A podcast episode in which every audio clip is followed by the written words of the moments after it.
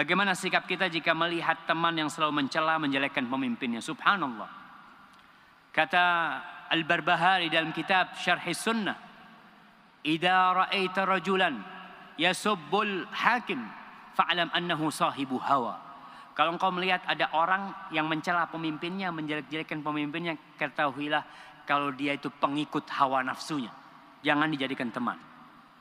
Kita kasih nasihat, kita doakan dia dan tanyakan kepada dia.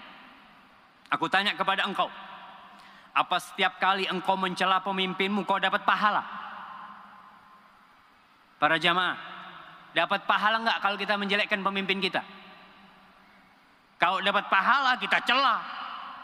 Enggak dapat pahala. Pertanyaan kedua, kalau kau doakan pemimpinmu kau dapat pahala enggak? Dapat. Masya Allah. Oke, pertanyaan yang selanjutnya. Kalau kau celah pemimpinmu, pemimpinmu berubah enggak? Enggak berubah.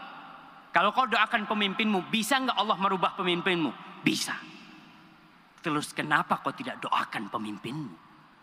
Kalau kau tinggal memohon, Ya Allah, berikan hidayah kepada pemimpin kita. Allahumma ya Allah bukakan pintu hidayah. Jagalah Bapak Jokowi, umpamanya dan wakilnya Bapak Yusuf Kala dan seluruh jajarannya jaga mereka dari segala mara bahaya. Berikan petunjukmu berikan hidayahmu ya Allah. Semoga mereka bisa membawa negeri ini kepada negeri yang baldatun tayyibatun rabbun ghafur. Amin.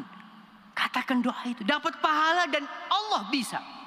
Allah tinggal kun selesai